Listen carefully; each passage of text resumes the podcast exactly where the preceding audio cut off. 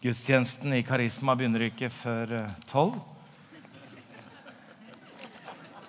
Så vi har god tid. Jeg går til en sånn predikant som alltid har korte prekener. Nei da. Ti på halv eh, ett eh, så tror jeg det heter Egil has left the building. Så vi, det går fint. Fantastisk flott å feire gudstjeneste med dere. Og av frykt for at jeg skulle finne på å tale noe som har med advent og jul å gjøre, så har uh, Egil Elling bestilt et budskap som jeg har delt flere steder. Uh, mest sommerstid, også i høst i Tananger kirke på et arrangement. Og jeg gjør det med veldig stor glede, og jeg skjønner veldig godt hensikten etter den flotte talen som du har holdt oss i dag. Dere i IMI er viktig for så mye, for så mange utover dette landet. Tusen takk skal dere ha. Jeg skulle tale om en stemme for de stemmeløse. Og det har kanskje noe med advent og jul å gjøre allikevel. Jeg er ekstremt glad i dette bildet. Et godt selvbilde. Altså, Jeg kan nesten ikke få sett nok på det bildet. Jeg blir på en måte så lykkelig, så glad. Jeg blir så Jeg blir så åh, jeg tenker alt ved dette bildet er rundt. Ja, han er rund i kroppen, han er rund i huet, han har runde briller. Altså, alt. Altså, det er på en måte et selvportrett av hele Norges kristne kosebamse. Og Jeg var så glad for dette bildet at jeg til og med har brukt det som omslag på en bok. Men jeg er blitt bekymra. Eh, for nå er jeg jo blitt en godt voksen mann. og jeg var ung og radikal. Har jeg blitt voksen og liberal? Jeg var ung og progressiv. Har jeg blitt voksen og gammel og servil? Jeg tok noen veldig radikale beslutninger da jeg var ung. At jeg aldri skulle velge jobb ut ifra hvor jeg kunne tjene mest. Men at jeg alltid skulle søke Gud om hvor jeg kunne tjene flest. På best mulig måte så får man jo etter hvert et slags navn og en posisjon, og så begynner jeg å lure på er jeg mest opptatt av min egen pensjon. At jeg er borgerlig, det vet jeg. Men at jeg er såpass besteborgerlig som jeg er, det uroer meg. Det er mange valg å ta. Man eh, skal velge farge. Blått eller rødt, gult eller grønt. Det er ikke lett, det. Det er jo liksom hele dette spillet om hvem vi skal stemme på. Eh, er det Erna som er stjerna, eller skal jeg gå for Jonas? Eh, kanskje det rett og slett er Trine eh, det handler om, eller her kommer jo selveste himmelspretten. Eh, var på en måte enklere for Åge Samuelsen, for han var høyremann ut ifra bibelsk tolkning. For Jesus sa at han skulle stille sauene på sin høyre side, og geitene skulle gå til venstre. Eh, så der hadde på en måte Åge Samuelsen et lett valg, fikk hjelp eh, på det. Han ville ikke være noe geit, han skulle være en av fårene som gikk til høyre. Eh, det er ikke bare det politiske spillet, men ludo er alvorlig også på hjemmeplan. Og våre to barn hadde blitt såpass gamle at vi kunne spille ludo sammen. Vi satt alle fire rundt bordet og ble enige om reglene. Eh, det er viktig å bli enige om reglene først. Har du lov å flytte tårnet? Altså alt dette. Du må, altså, du må ikke ha noe surr underveis. Og når alle reglene var klare, så sier Karoline, den minste av de to Men dere, det er ikke lov å be, altså.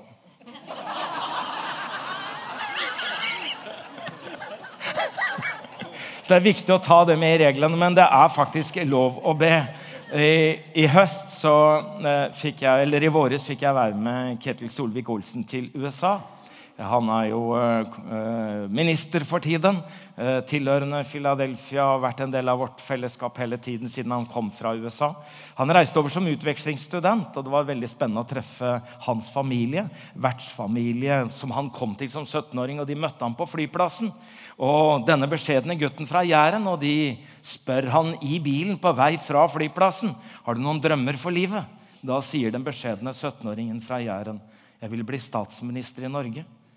Eller jobbe tett som en av de som jobbet tett på statsministeren. Jeg traff pastoren hans og de beste kameratene hans i USA i menigheten hvor han møtte Jesus og fikk en levende tro.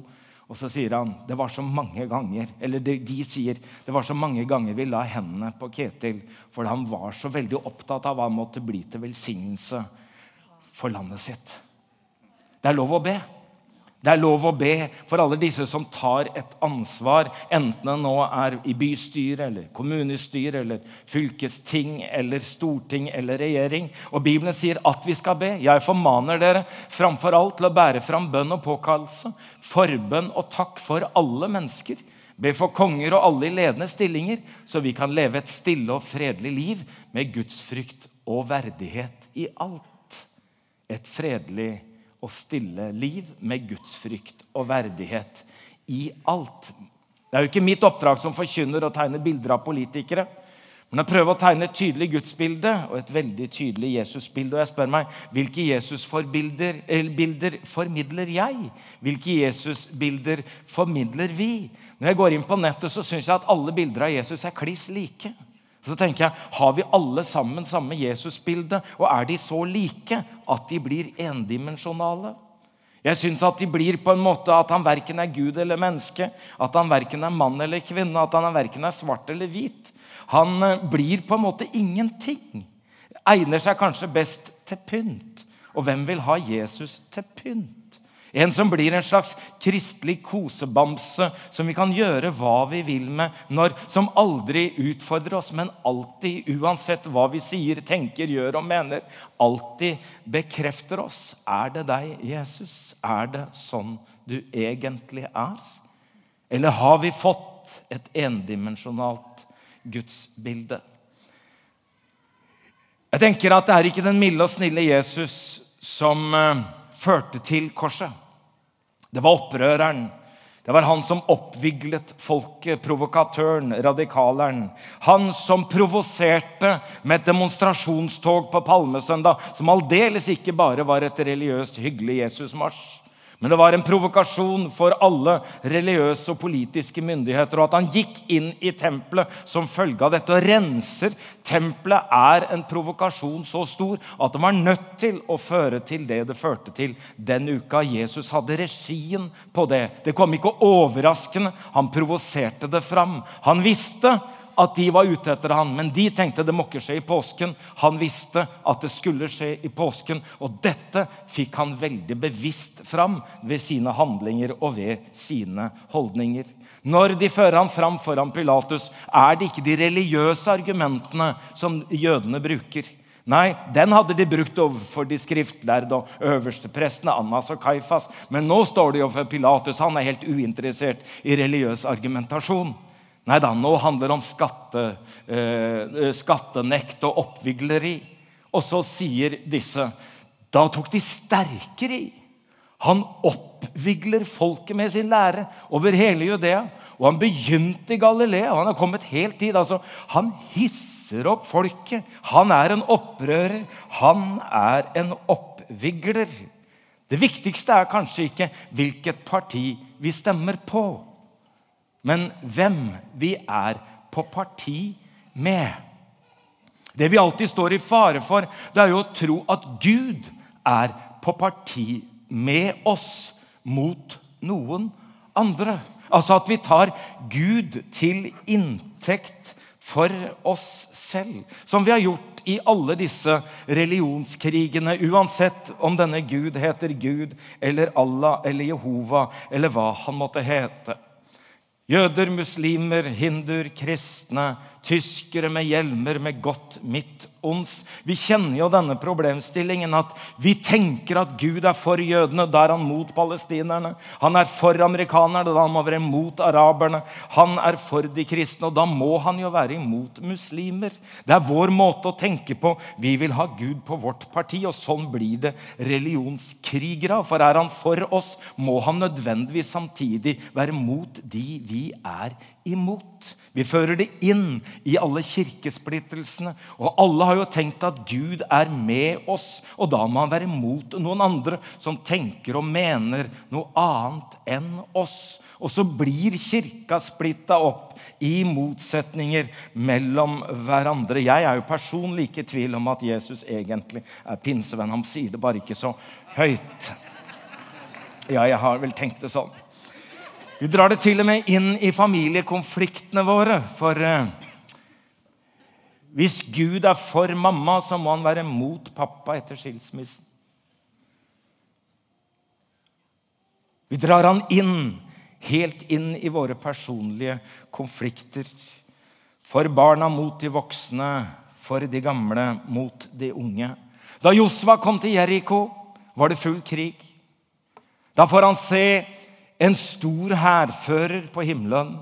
Og det han først må ha avklart, det er hvem denne hærføreren er på parti med. Så han vil ha spurt med en gang hører du til oss eller våre fiender. For den som har deg på parti, den er det ille ute med. Han får et merkelig svar, for han spør feil. Så den som svarer, sier nei. Jeg er jo da ikke på parti for noen mot noen andre. Nei, jeg er høvdingen over Herrens hær. Så er Gud for stor for våre religionskonflikter. Så er Gud for, stor, for stor for våre kirkesplittelser og familiekonflikter. Han må ikke være mot noen for å være for noen andre. Hører du hva jeg sier? Vi vil altså tenke at det viktigste er ikke hvilket parti vi stemmer for, men hvem vi er på parti med. Og Jesus, På Jesu tid var det jo mange ulike både politiske og religiøse partier. Og det lønte seg å prøve å få Jesus på parti. Altså, En som kan fikse et brødunder i ørkenen. Det kunne jo vært veldig greit å ha med han i regjeringen også. Tenk deg alt det du kunne fikse med en sånn kar. Så de bestemmer seg for at de vil prøve å gjøre Jesus til konge, altså leder for seg mot andre, for sitt parti mot de andre. Så de tenkte de må gjøre Jesus til konge og føre ham bort med makt for å gjøre ham til konge. Derfor gikk han fra dem opp i fjellet alene.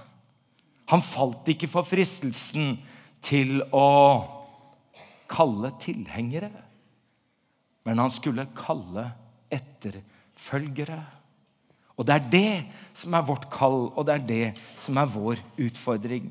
Jeg tenker at Skal vi prøve å forstå Jesus i sin tjeneste og sine ulike roller, så må vi kanskje prøve å tenke om Jesus både som prest og profet. At han ikke blir endimensjonal, eh, og at han blir på en måte inkluderende uten å være utfordrende.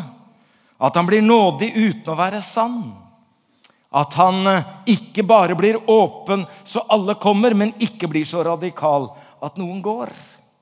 Jesus forsvarer kvinnen som er blitt grepet på fersk gjerning i hor. Samtidig er han villig å se en rik mann snu ryggen til å gå fordi Jesus er for radikal. Og Det er denne Jesus som det er umulig å fange i én rolle, i ett bilde. Det er denne Jesus som samtidig er rund og radikal. Det er denne som både er inkluderende og utfordrende samtidig. Og det er denne Jesus som sprenger våre grenser, og som sprenger våre rammer. Ja, vi møter selvfølgelig den omsorgsfulle presten i Jesus Kristus. Den gode hyrden. Det er jo dette bildet som vi elsker av Jesus, bærende på det lille lammet som han har funnet, dette som har gått seg bort, og som ikke er i stand til å gå selv, og som han bærer. Ja, dette har vi over senga, dette har vi på barnerommet. Dette bildet av Jesus er et sant bilde. Dette bildet av Jesus er et godt bilde. Han er nær hos dem som har et nedbrutt hjerte, og han frelser dem som har en knust ånd. Jeg snakker ikke dette ned. Det er sant bilde av Jesus. Det jeg spør, er det hele bildet av Jesus. Det betyr at denne Jesus det er den som det er lett å formidle i Norge i dag. Det er han du til en viss grad kan formidle på TV. Det er han du til en viss grad kan formidle i det offentlige rom, på skole og i offentlige institusjoner. Denne Jesus er på en måte en Jesus som folk tenker Ja, Jesus, ja, han vil vi ha. Og det er denne Jesus de aller fleste blir venn med og fortrolig med. Eh, og vi lurer aldri på hvor Jesus som prest og hyrde er. Hans adresse. Du vet, eh, vi tenker veldig ofte rett, galt, eller den har rett, men den tar feil. Og vi er så opptatt tradisjonelt av å tenke at vi må holde med de som har rett, for å være imot de som tar feil. Men det er jo ikke sikkert at alle målestokker går på rett og feil. Men kanskje det går på sterk og svak. Og det Av og til så er det jo sånn at den som tar feil, eller har rett, er svak. Og Det Jesus gjør, det er at han altså ikke alltid plasserer seg i forhold til rett galt, men han plasserer seg alltid i forhold til sterk svak. Og Du bør aldri lure på hvor Jesus står.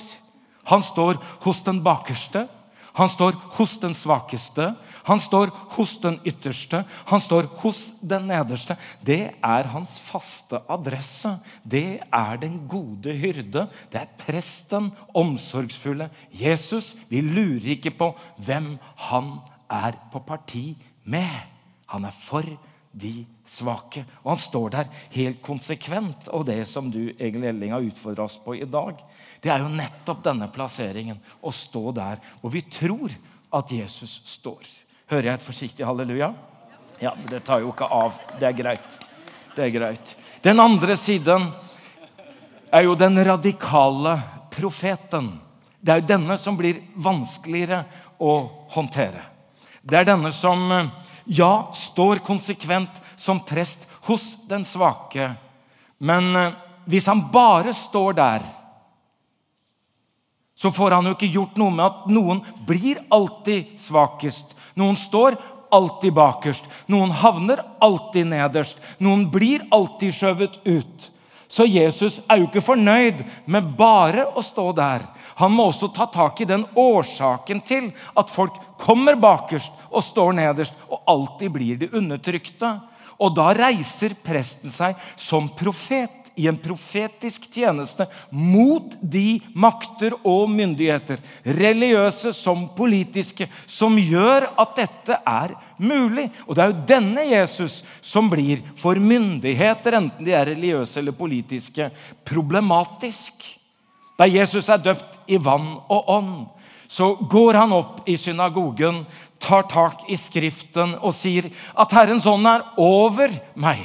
For han har salvet meg til å forkynne et godt budskap for fattige. Han har sendt meg for å rope ut fanger skal få frihet og blinde få syn igjen, og for å sette undertrykte fri og rope ut et nådens år fra Herren.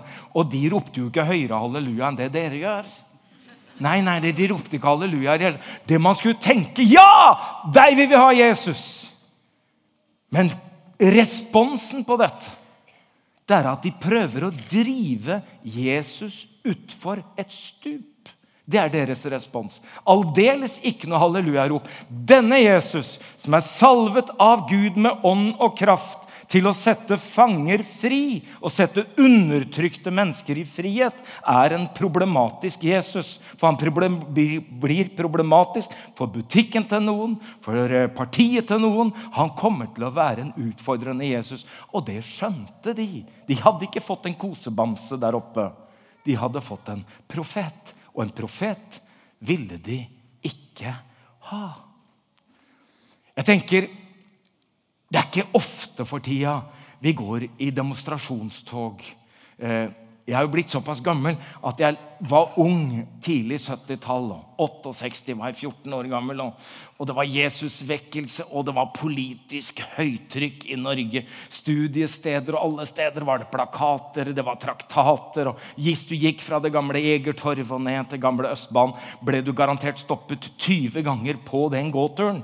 Og på den gåturen ble du stoppet av ti som ville avkreve deg et politisk standpunkt hvor du står i forhold til Vietnam, ikke sant, USA, USA eller Norge ut av Nato, USA ut av Vietnam, Norge ut av Nato. U altså, det var kjempetrykk. De ti andre som stansa deg, de ville avkreve deg et religiøst standpunkt om hvor du sto i forhold til Jesus. Vi gikk i marsjer nesten hele tiden. Det var marsj på marsj på marsj. på marsj. Vi var på gatene. og jeg husker Vi gikk en sånn marsj oppover i grensen. Og vi gikk, og så kom det en kar inn og gikk sammen med oss en stund og var veldig på. Og så spurte han meg midt oppi der du, Hva er det vi demonstrerer for i dag, da?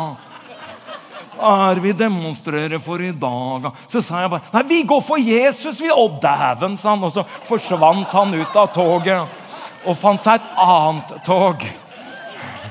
Ja, vi kan si og mene mye i, i, lukkede rom og på gode, trygge omgivelser på gudstjenester. Men det kan jo hende at vi i større grad også må stå opp som profeter også stå opp og si noe tydelig som kan provosere noen, og som kan true oss og våre posisjoner. Men at vi våger noen slagord som 'frihet for slaver'. Var det ikke det vi sang i en fantastisk vakker adventssang? Må fanger få sin frihet, og flyktninger et hjem. Og vi synger det, og vi vil mene det. Ja, kan ikke vi bare gjøre en liten test, folkens? For jeg hører hvordan det hadde vært å gå i tog med imme i kirka. Ja da! Jeg prøver meg på en liten sånn Frihet for slaver! Frihet for slaver! Frihet for slaver! Frihet for slaver! Ja da! Da! Dere, altså, jeg, jeg vet at det er ikke, dette er liksom ikke din natur. Det skjønner jeg godt. Men det kunne vært gøy bare å prøve. Det er ingen som ser oss. vet du. Det er, som, det er, ikke en nabo som ser oss, det er ikke en kollega som oppdager dette. Så du er helt trygg. Vi skal prøve en gang til. Dere, Vi reiser oss. Vi bare kjenner på hvordan det hadde vært. liksom.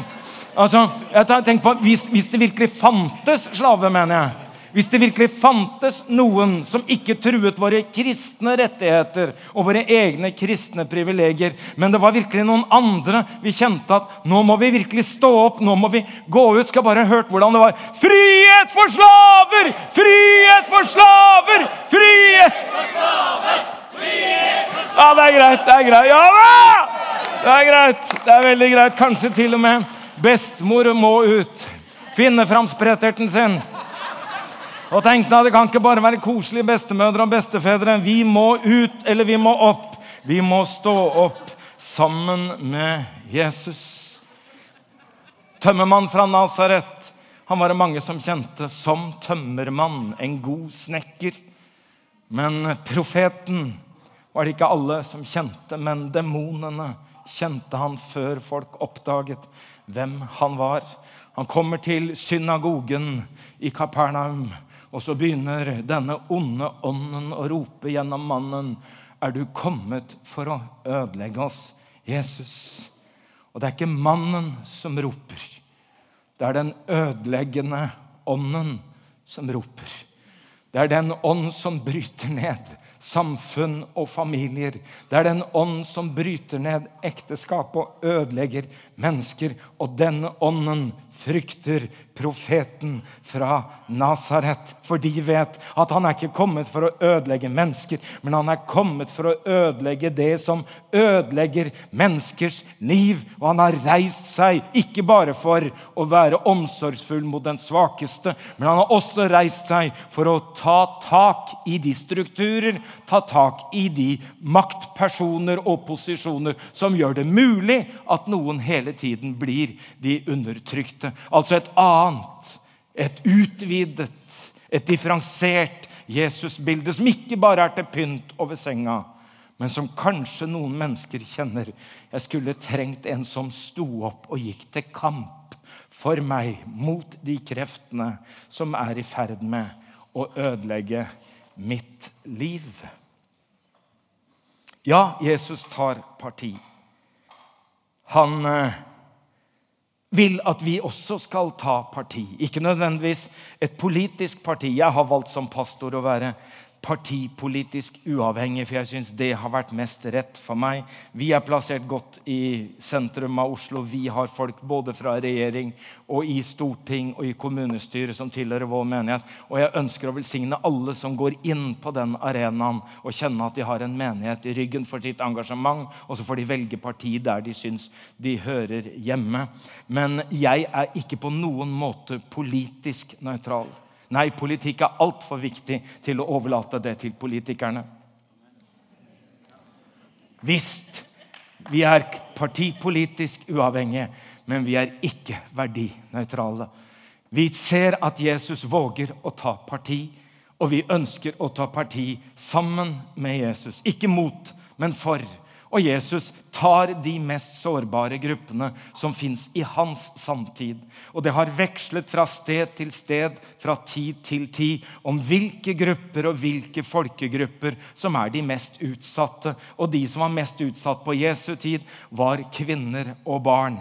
Dette at jødiske menn hadde i sin tro og tradisjon å be hver eneste dag og takke Gud for at de ikke var født som hedninger eller kvinner. For dem var det jo ikke noe mening å gi kvinner stemmerett. De hadde jo ikke engang fått sjel. Og Dette kvinnesynet preget jo både samfunn og synagoge. Og Jesus er radikal i forhold til sitt kvinnesyn. Og han er superradikal i forhold til barn. Når de andre ville prøve å skyve barna ut, så inkluderte Jesus barna inn og satte dem i sentrum. Jesus er en radikaler i forhold til kvinner og barn i sin egen samtid. Jeg tenker han eh, kaller oss til å se hvilke barn, hvilke kvinner som er de mest utsatte i vår egen tid. Vi hadde en markering i sommer en dag på Bislett i Oslo, hvor ulike grupper og greiner av denne kampen mot det moderne slaveri gikk sammen for en offentlig markering. Og vi begynner å ligne et demonstrasjonstog. Vi begynner å se ut som en gruppe som er stor nok til at noen kan bli litt urolige. Og vi ser at det begynner å slå igjennom. Jeg spurte Malvin Halleråker om jeg fikk låne tegningen hans av dette barnet i mors liv for også denne høsten sto det 15 000 tomme pulter på skoler i Norge. Disse har også en stemme. Disse har også en røst i Jesus Kristus og i hans kirke. Vi må ta parti. Jesus stiller seg sammen med fremmede og utstøtte konsekvent. De som ingen andre ville røre ved, de rørte han ved. De som andre ikke ville ha noe med å gjøre, de kalte han sin beste venn. Sånn er Jesus. Vi sang 'Må fanger få sin frihet og flyktninger et hjem'. Og Det var disse bildene. Jeg viste de i går igjen. Aylan på tre som ble båret i land etter å bli skylt i land som død. Lille Masa er vel på to år, som har stått to timer og venta på å komme over grensa. Og pappa som er så lykkelig over at han klarte å redde grensa si over grensa til Ungarn. Hvor er du hen i dette, Jesus? Ja, han tar parti for fremmede og utstøtte. Jeg har lyst til å lese et leserinnlegg for dere. Går det bra? Hvis ikke, så leser jeg det allikevel. Det er et leserinnlegg i avisen.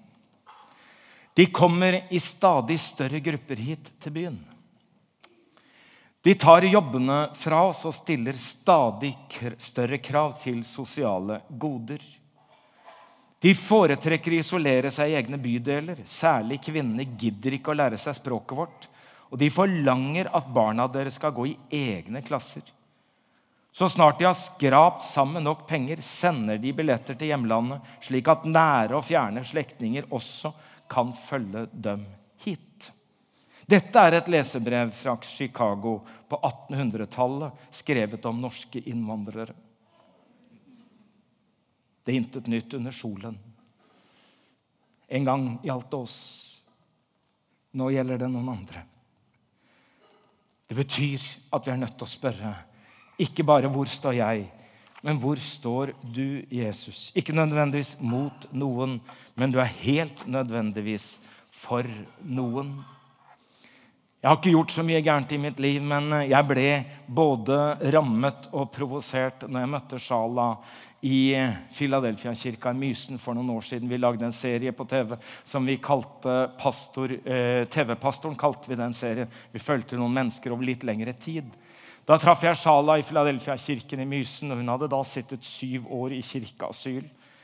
Og eh, Man tenker jo at det å være i en kirke kan jo ikke være så ille, men folk orker jo ikke å gå der hver søndag en gang. Og hvordan er det da å være der syv dager i uka i syv år? Det er ganske krevende. Ja.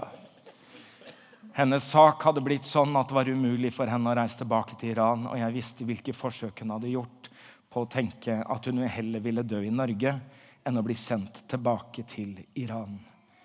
Når jeg møtte denne nøden og denne oppriktigheten, så var det umulig ikke å gjøre noe. Men hva kan du gjøre for ei jente som sitter i et kirkeasyl i syv år?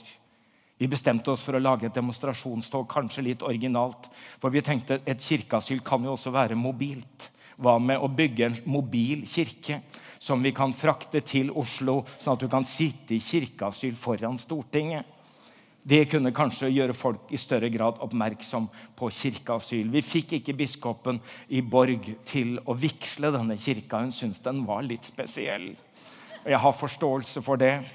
Men vi fraktet henne innover til Oslo og hadde ordnet med en demonstrasjonstog i byen.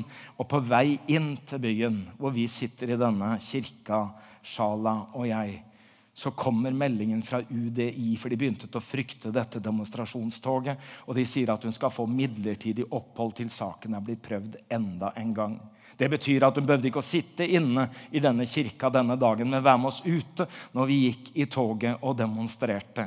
Og Før vi avsluttet serien, så hadde vi fått se at Shala hadde fått varig oppholdstillatelse og få alle rettigheter og er blitt en del av en lykkelig familie. Og jeg sier halleluja. Jeg var på Eh, på Akta bibelskole og underviste på fredag. Der ble det meldt at Basso hadde fått oppholdstillatelse i Kosovo, men forbli da i Norge. Og da var begeistringen stor på Akta.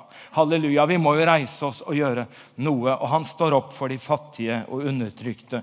Konsekvent tar Jesus parti. Og nå kommer de jo nærmere og nærmere. Og mange kommuner kjemper for hva skal de gjøre, for de forstyrrer oss. Ikke for at de sier noe eller gjør noe, men fordi de er noen ting. Og de gir oss dårlig samvittighet i julehandelen. Hva skal vi gjøre med dem? Jeg er begeistra for hva Frelsesarmeen gjør på sine institusjoner. Derfor blir jeg enda mer rørt om hva de gjør i tempelet i Oslo. For tempelet er jo deres kirkehus, det er deres lokale hvor de har sine møter og gudstjenester. Det er der hvor de har sine møter.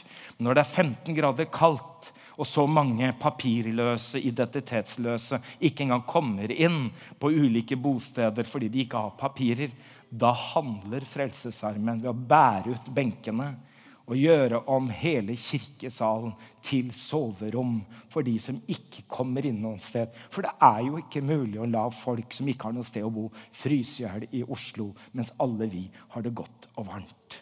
Folkens, jeg tror på å gi en stemme for de stemmeløse. Jeg tror at Jesus tar parti, og at han ønsker at vi skal reise oss som prester, omsorgspersoner, være hos den svakeste, samtidig som vi reiser oss mot de strukturer og krefter som gjør at noen mennesker til enhver tid på alle steder kan bli undertrykt. Det skal vi lese sammen til slutt.